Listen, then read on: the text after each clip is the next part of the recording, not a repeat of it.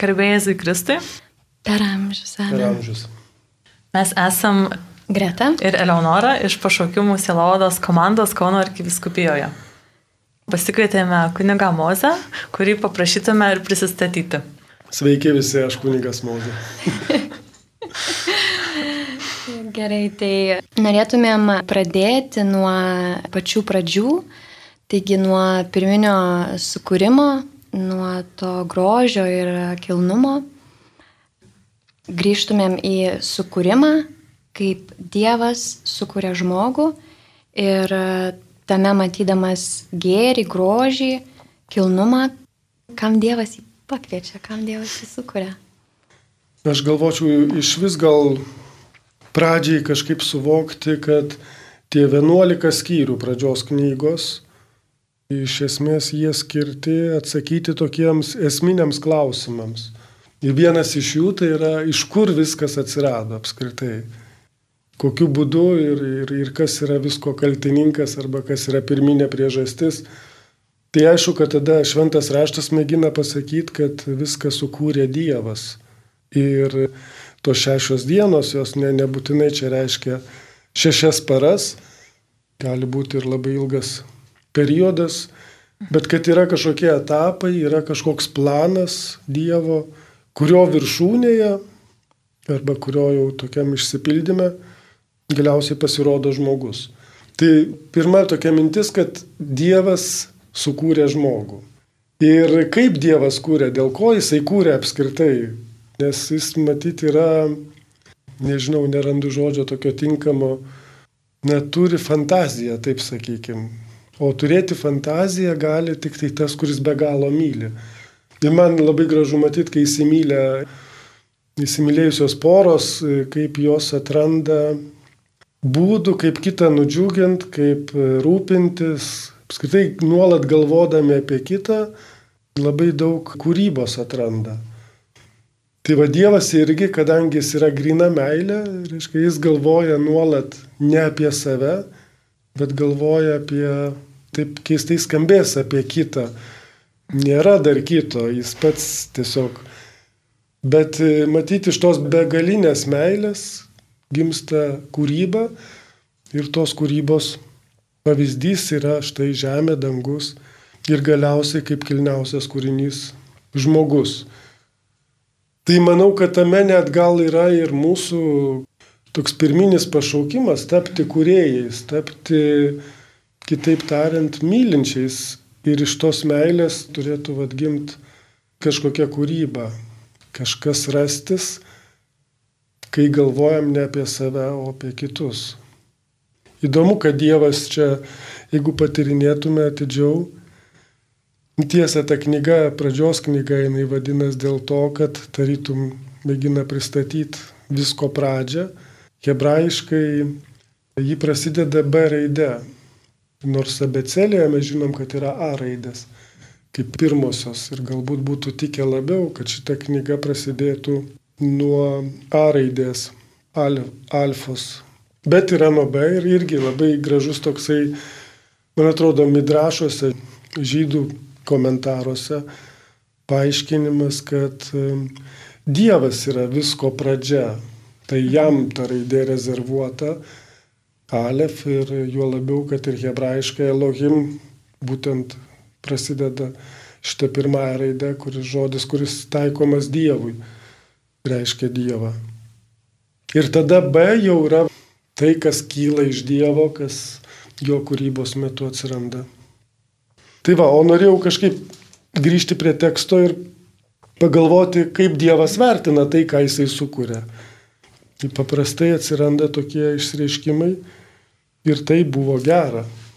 Tai buvo gera dangų, atskyrė nuo žemės šviesą nuo tamsos, ten gyvūnų šviesulį sukuria ir visur yra tas palydėjimas ir tai buvo gera. Bet apie žmogų kai jį sukūrė, to nepasako. Ir paskui pabaigoj Dievas čia viską taip apžvelgęs jau pasako. Ir Dievas matė, kad tai gera, kad tai labai gera. Bet jau daugiau kaip apibendrinimas visos kūrybos, tuo tarpu apie žmogų nepasako to gerą, Ir aš galvoju, kodėl, kodėl Dievas nesidžiaugia žmogumi. Yra turbūt nuperšas tokia išvada, kad gal dar neužbaigtas darbas, gal žmogus dar nėra atbaigtas. Jo labiau, kad 26 eilutė, žiūrėkit, padarykime žmogų pagal mūsų paveikslą ir panašumą. Te valdo jis, ten jūros žuvis, padangius parnuočius. Ir 27 eilutė, Dievas sukūrė žmogų pagal savo paveikslą, pagal savo paveikslą sukūrė jį. Du kartus net paminė, bet kažkur dingęs yra panašumas, nes planas tai yra padarykim žmogų pagal mūsų paveikslą ir panašumą, o sukūrė tik pagal paveikslą. Mhm. Tai kas galėtų būti tas panašumas? Turbūt yra tai, ko realiai Dievas negali sukurti. Nes tai yra, jeigu tai yra meilė, esminė Dievo savybė, jos negali įdėkti su kažkokia programa. Tiesme, kad jinai turi gimti pačiam žmogui, kaip jo esybė, kažkokia, nežinau, nemoku paaiškinti, bet kažkas, kas nėra už kitą padaroma. Tai man čia labai prasminga ir gal tada galvojant apie žmogaus pašaukimą, kokia jo užduotis, tapti panašiu į Dievą. Ar turim tokių pavyzdžių, kas nors tapo panašus į Dievą? Nušventas raštas jau Naujajam testamente, ypač Pauliaus laiškai kalba apie Jėzų Kristų, kaip Dievo atvaizdą ir panašumą. Tai va, turim tapti kaip Jėzus Kristus, turim tapti, kitaip tariant, tais, kurie moka besąlygiškai mylėti. Kol kas mes galim valdyti, kol kas mes galim net ir kurt, nu, taip kaip Dievas ir, ir tuo reiškiasi mūsų sukūrimas pagal jo paveikslą, bet dar nesam panašus į jį. Ką jūs galvotumėte? Aš tai galvoju, kad šituo atveju tai vadinasi ir yra tas pašaukimas tapti tuo atvaizdu. Kažkiek. Tapti tuo panašumu, taip. Už tai dar jisai ir nesako iš karto, kad jau jam yra gera, nes vadinasi kažkas dar, kaip jūs ir sakėte, dar yra neužbaigta. ir kad va ta kūryba, kad tai nėra kažkas ribota, ta prasme, taip, nu, va, darykit jūs tą, darykit tą, bet yra va tokia suteikta kūrybiška laisvė.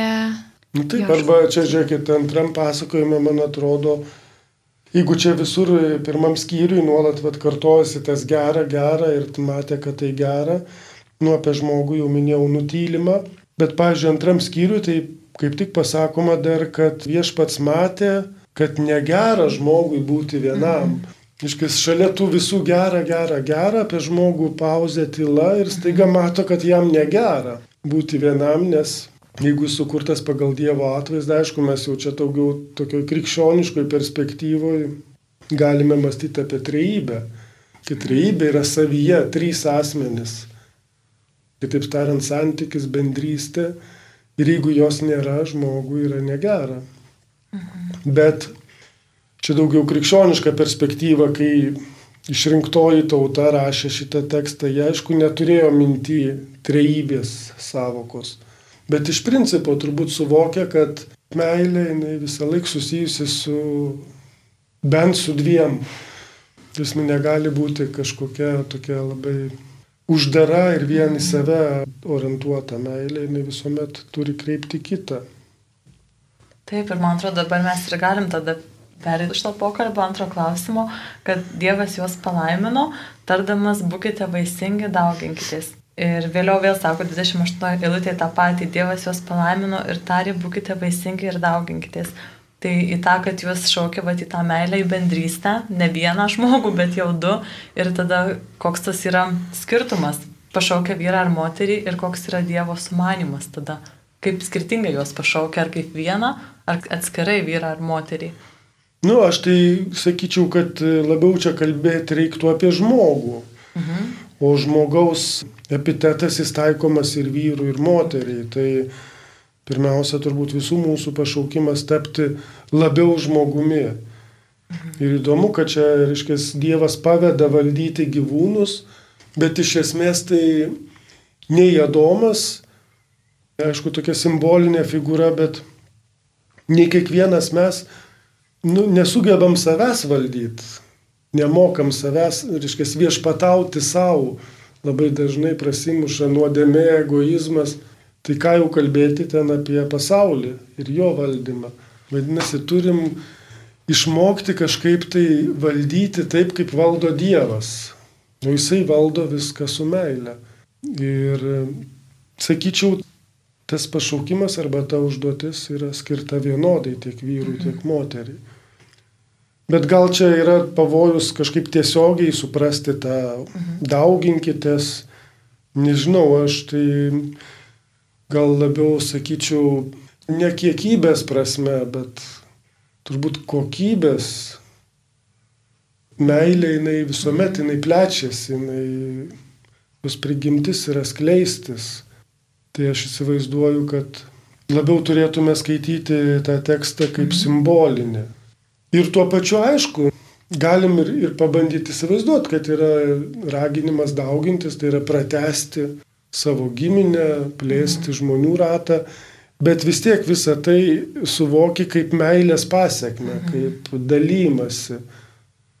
Tai nėra tik tai techninis nurodymas, žodžiu, užpildyti kraštą žmonėmis. Tai tuo pačiu bręsti apskritai, aukti, plėstis, som prasmėm vis daugiau užvaldyti, tai irgi aš galvoju, va, žiūrint į, į mūsų dienas ar ne, tai kiek šiandieninis žmogus sugeba daug, ko nesugebėjo ten, nežinau, nereikia ne dviejų tūkstančių metų, prieš šimtą metų, kiek daug dar mes, nei mobiliųjų buvo, nei ten medicina labai išlavinta ir vis tik tai va tas užvaldykite, jisai labai gražiai atsiskleidžia, kad su žmogaus darbu, su jo pažinimu, ir su jo noru rūpintis. Nes kai yra egoizmas, kai žmogus užsidaro, iš esmės sėdi savo ten žemės plotelėje kažkokiam šiltnami, tai neatsiranda tų naujų lobių, naujų atradimų. Tiek turi maiti, dalintis, eiti pasaulį, mhm. ieškoti, atrasti ir čia aišku būti atviriems dargi viskam. Mhm.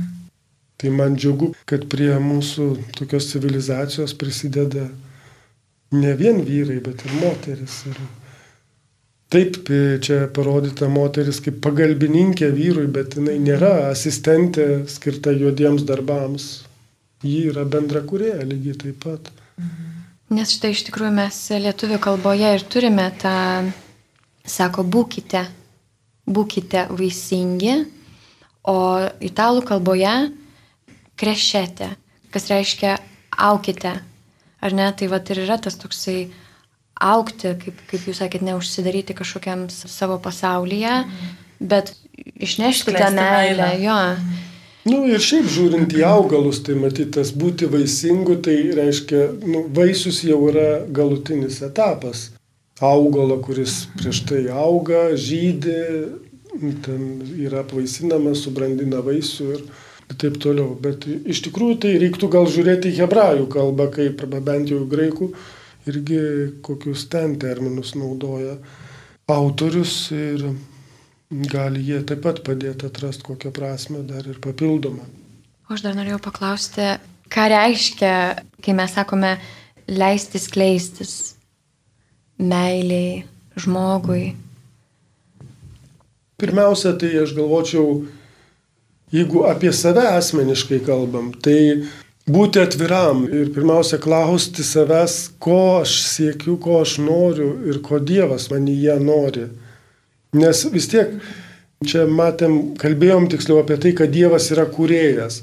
Tai nėra kažkoks žmonių fabrikėlis, kur tokia formelė, kaip kartais juokaujama, kad vienas ten metamas į pečių truputėlį pasvilo, tai ten atsirado juodaodžiai, kitas ten geltonodžiai, baltaodžiai, nedaketuliai tokie, taip toliau. Bet kad Dievas, jis yra menininkas, jis yra kūrėjas, tai reiškia, kad jis nenaudoja jokių formelių, jokių trafaretų.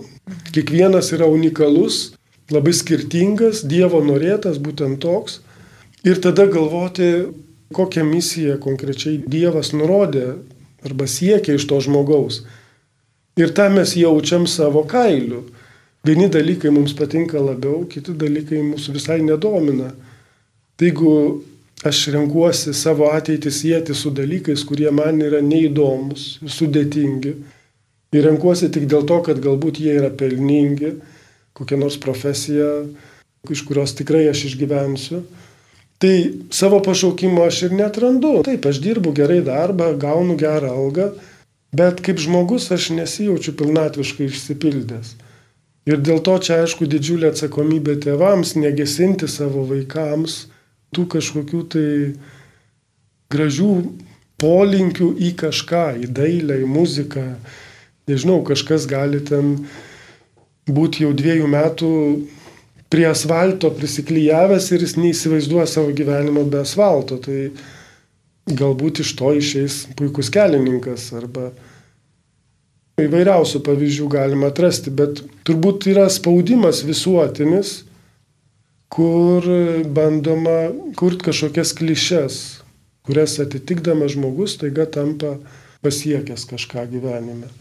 Tai vat čia didelė klaida ir paskui didelės gal net ir traumos. Nebūtinai čia iš karto gyvenimas žlugęs ar taip toliau, bet aš galvoju, kad pasaulyje trūksta genijų dėl to, kad jie netranda savo sričių. Jeigu žmogus yra iš pašaukimo, tarkim, menininkas ir jisai atranda, kad tai yra jo vieta, labai daug šansų, kad jis taps genijum. Bet jeigu jis tampa, na, kitos specialybės atstovu, tai jis taip atliks tą darbą, bet vargu ar, ar leisis į tokią kūrybą, kurią leidžiasi genijai.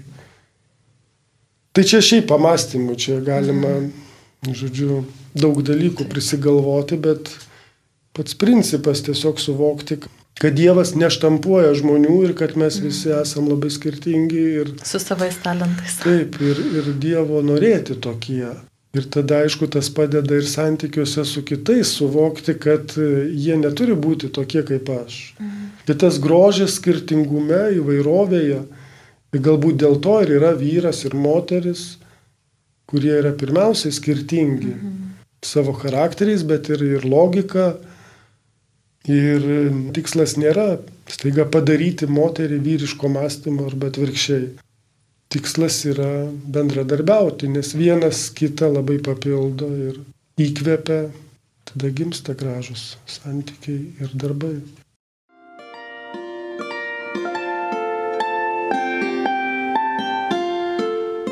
Jūs girdite Marijos radiją.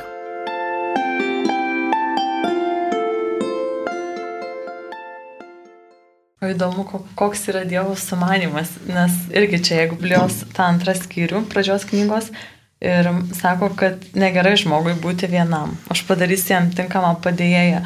Tai įdomu, ar galėtų Adomas galėjo ir ar šiaip žmogus gali jaustis laimingas būdamas vienas, jausti pilnatvę.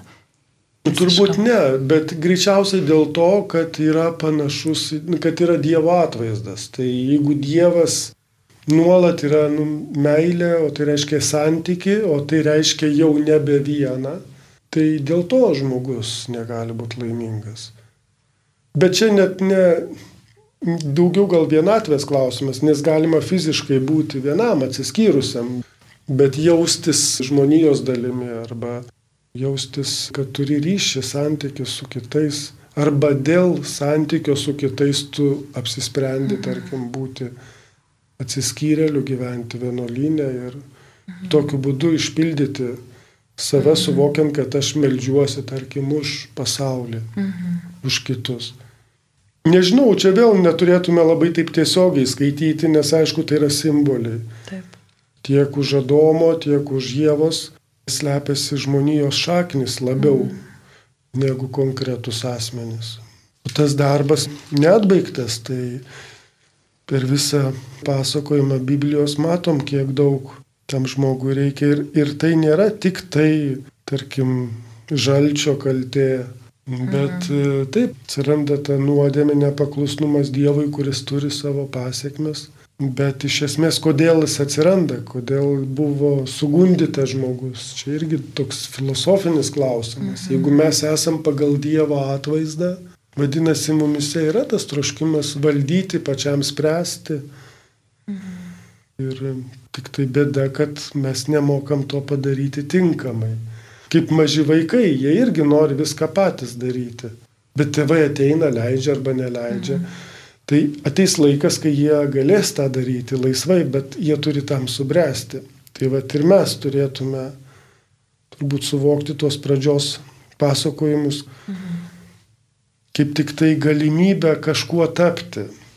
Ir kaip vaikai nusidėjom, nu žodžiu, net laikėm mhm.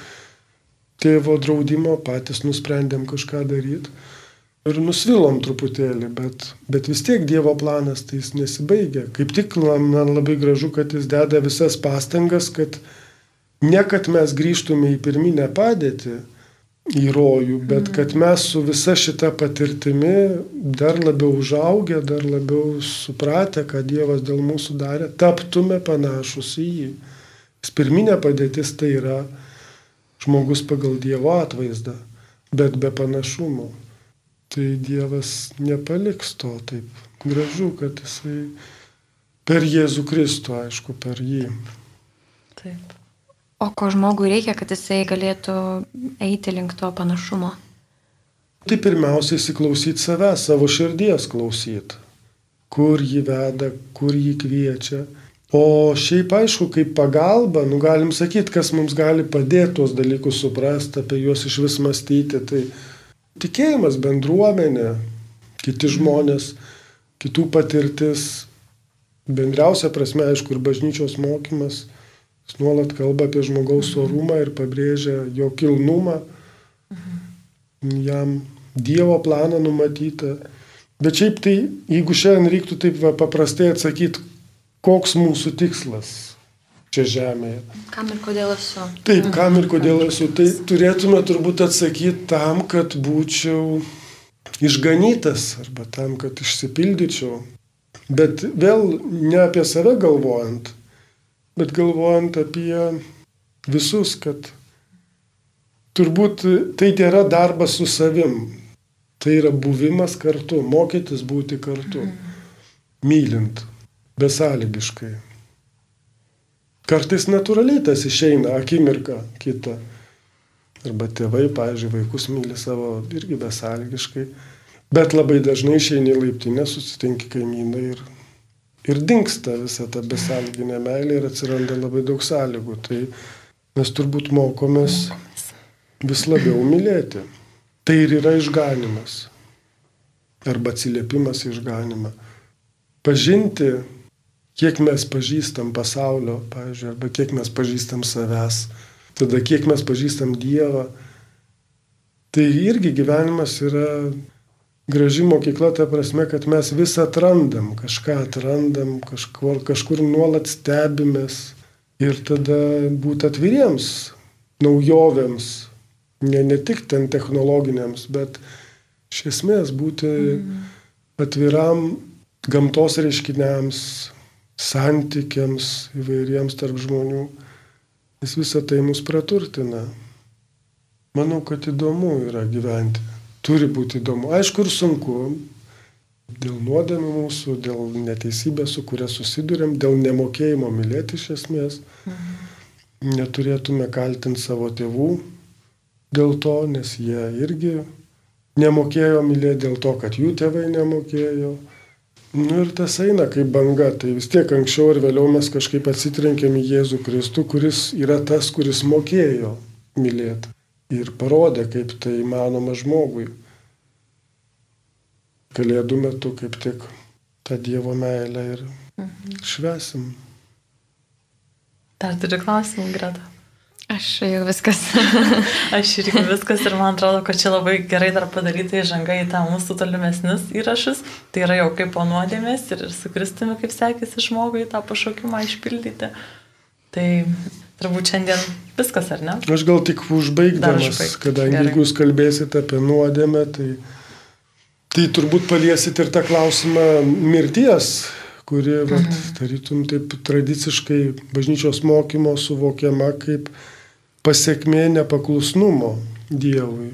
Bet e, man tai, pavyzdžiui, labai įdomi yra mintis tokia, ar žmogus tikrai buvo sukurtas nemirtingas.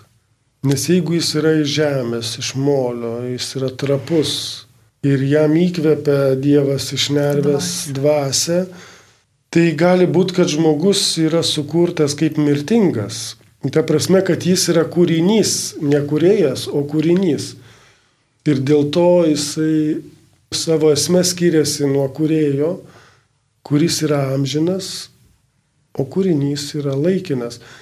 Tai mes vis kalbam apie amžiną gyvenimą, bet čia tiesiog akcentai turėtų būti kitur dėliojami, kad mes prisikelsim, bet šventas raštas beje kalba ir apie antrąją mirtį. Vadinasi, yra galimybė negyventi to amžino gyvenimo. Ir aš bandžiau kažkada mąstyti apie tai, kaip čia suprasti. Ir man kažkaip peršasi labai, man atrodo, logiška išvada, kad žmogus vis tik tai bus mirtingas visada. Buvo ir bus mirtingas, bet tik tai būdamas šalia Dievo arba su Dievu, kuris yra nemirtingas, vienintelis, būdamas su juo kaip šaltiniu, žodžiu, mes nuolat ir būsim palaikomi tos gyvybės. Tai tas susivienimas su Dievu, jis ir bus tai, iš ko kyla amžinybė ir iš ko kyla nemirtingumas. Tuo tarpu, jeigu teoriškai taip įsivaizduotume, kad aš jau būdamas rojuje su Dievu, staiga vieną dieną sugalvoju atsiskirti nuo Dievo, taip kaip padarė Luciferis, tai tai man reikštų mirti.